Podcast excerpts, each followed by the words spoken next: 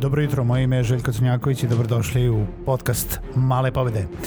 Posebna izdanja podcasta tokom perioda pandemije koronavirusa bave se trenutnim stanjem, poslovanjem u otežanim uslovima, adaptacije na novo nastale uslove i još mnogo čime. Budite sa mnom svaki radni dan od 8 sati, informišemo se i motivišemo se za novo nastalu situaciju. Pozdrav svima, dobro jutro i dobrodošli u novu epizodu podcasta Male pobede. Hvala vam što ste i danas sa podcastom, hvala vam što slušate, hvala vam što ste se prijavili uh, na, na podcast i, i dobijete epizode svaki radni dan u 8 sati. Ako niste, možete to da uradite. Uh, I hvala vam nekima od vas što mi pišete. Za one koji još to ne rade, uh, mogu da urade na mail željko@ malepobede.rs i da me postave pitanje ili daju ideju za neku uh, jel da, ideju za neku temu koju da obradimo u nekoj od narednih epizoda. Pozivam vas naravno i da posetite sajt malepobede.rs i vidite šta se sve tamo mota, ima i newslettera, ima i usluga, tako da pogledajte. Danas želim da pričam o nečemu što sam pročitao na Facebooku od jednog veoma dragog prijatelja. Tiče se naravno svih nas u poslovanju, svih nas u, u onim, ne, ne samo u varednim situacijama, nego u bilo kojim situacijama kada moramo da, jel da, provodimo neko vreme na tržištu i ne možemo uvijek da ostanemo isti, moramo da se adaptiramo i e, ponekad je bitno da ponekad ulažemo mnogo vremena u gradnju nekog posla i nešto nam se ispreče na putu. I Vlada Kovač je postavio jedan post pozdrav za vladu, a, a on je bio inspirisan opet drugim prijateljem e, i pozdrav za Ivana Bildija koji je e, postavio to pitanje i, i vlada je bio inspirisan, pa sam ja od vlade to pročito i tako ide u krug. Šta biste uradili da vam neko zabrani da se bavite poslom koji se bavite? E, to je pitanje koje je postavljeno zato da bi jel da nekako počeli na jednu mentalnu vežbu uh, da bi se pripremili na to šta nas čeka posle pandemije. Da li će svet biti isti, da li će tržište biti isto, da li ćemo se vratiti nekim normalnim životima, da li ćemo se vratiti normalnom biznisu ili treba da se pripremimo na nešto novo, na neku novu, novu normalu, na neku na novu situaciju i da adaptirani, ne samo adaptiramo usluge da bi pregurali ovaj period i onda da se vrati, ono, privremeno adaptirali, nego zapravo da se adaptiramo na jednu totalno drugu situaciju. Možda ćemo morati ponovo da se adaptiramo kada prođe krize ili ćemo morati više puta da se adaptiramo tokom sve ove krize zato što neke stvari rade, neke stvari ne rade, a neke stvari se non stop menjaju. I činjenica je da se nalazimo u jednom izuzetno brzom vremenu i u izuzetnom vremenu uh, koji, koji zahteva mogućnost adaptacije.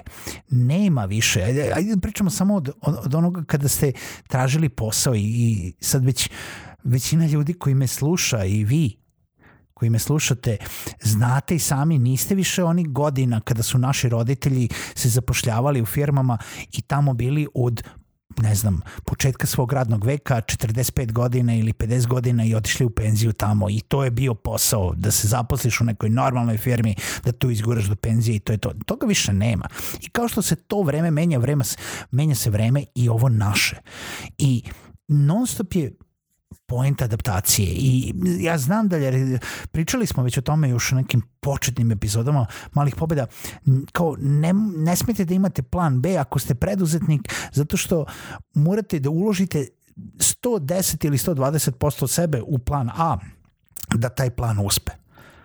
Ok, ali da li stvarno ne možete da imate plan B?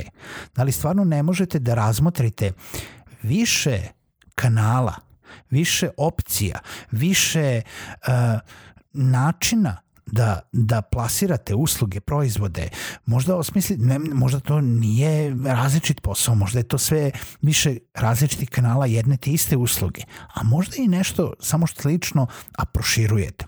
Zapravo, koliko ste spremni da brzo se adaptirate? Šta biste radili da vam sutra neko dođe i kaže ovo što sada radite više ne može, zabranjeno je, ne postoji, ugašeno je, gotovo, tebi je za, ne, ne zakonom zabranjeno, nego jednostavno kosmos ti je zabranio da se time baviš i to je nestalo. Šta ćeš sada? Da li ste spremni da se adaptirate? Ja znam mnogo ljudi koji nije spremno na to, koji nemaju ne samo ideje, jer ideja ima puno. Uvijek kažemo i u startupima ideja ima puno, nije ideja ta koja, koja se plaća, nego je egzekucija ta koja je bitna. Znači ideja ima milion i svako ima milion ideja, mada to sva, ta rečenica svako ima milion ideja, ni to nije istina.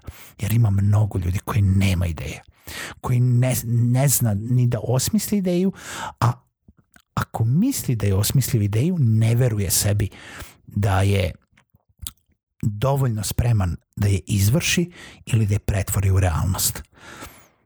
A oni čak i koji misle da bi mogli, često nemaju petlju to da urade. Nemaju taj deo gde zakoračuješ u nešto novo i zakoračuješ u neku promenu koja se još nije desila. Pogotovo ukoliko to zahteva jel da promene tokom nečega što već radi. I da pojasnim šta to znači. To znači da recimo počnete da otkrivate nešto novo, počnete taj plan B da implementirate dok nešto radi. Jer niko od nas, i ne pričamo samo o kompletnom menjanju posla, nik, redki su biznisi koji pokušavaju nešto novo dok im trenutni posao radi. Ali sad ne radi. Sad se nalazimo u situaciji gde mnogo poslova ne radi. A sada, sada je već onda malo, to, to je već onda malo kasno. To je već jedan korak iza onoga gde treba da budete. Jer vi treba da budete, ako ne ispred linije, onda na glavnoj liniji, na frontu. I šta sam imao, svima ovima hoću da kažem? Hoću da kažem da počnite da razmišljate o tome. Šta biste radili da vam neko zabrani da se bavite onim čime se bavite? Da li imate ideju šta biste drugo mogli da radite? Da li imate više ideja? Počnete da ih stavljate na papir počnite da pravite one liste pluseva i minuseva. Šta je potrebno, a šta je prepreka. Šta imam, a šta nemam da bi nešto mogao da uradim. Koliko ću trebati da radim oko toga. Koji su koraci sledeći praktični potrebni da se to desi i ne mislim na to treba da mi padne nešto sa drveta ili da se sklope kockice ili da sistem dozvoli da se to desi. Jer to su bajke. To nemojte da čekate. Nego šta su praktični koraci koje ja mogu sutra da počnem da radim da bi tu ideju implementirao u redovan biznis. U nešto što će početi da donosi pare super je ako je to neprofitni biznis, super je ako je projekat za dušu, šta je ideja od koje ćete sutra da stavite hleb na stol. Neću da vam ja dajem ideje.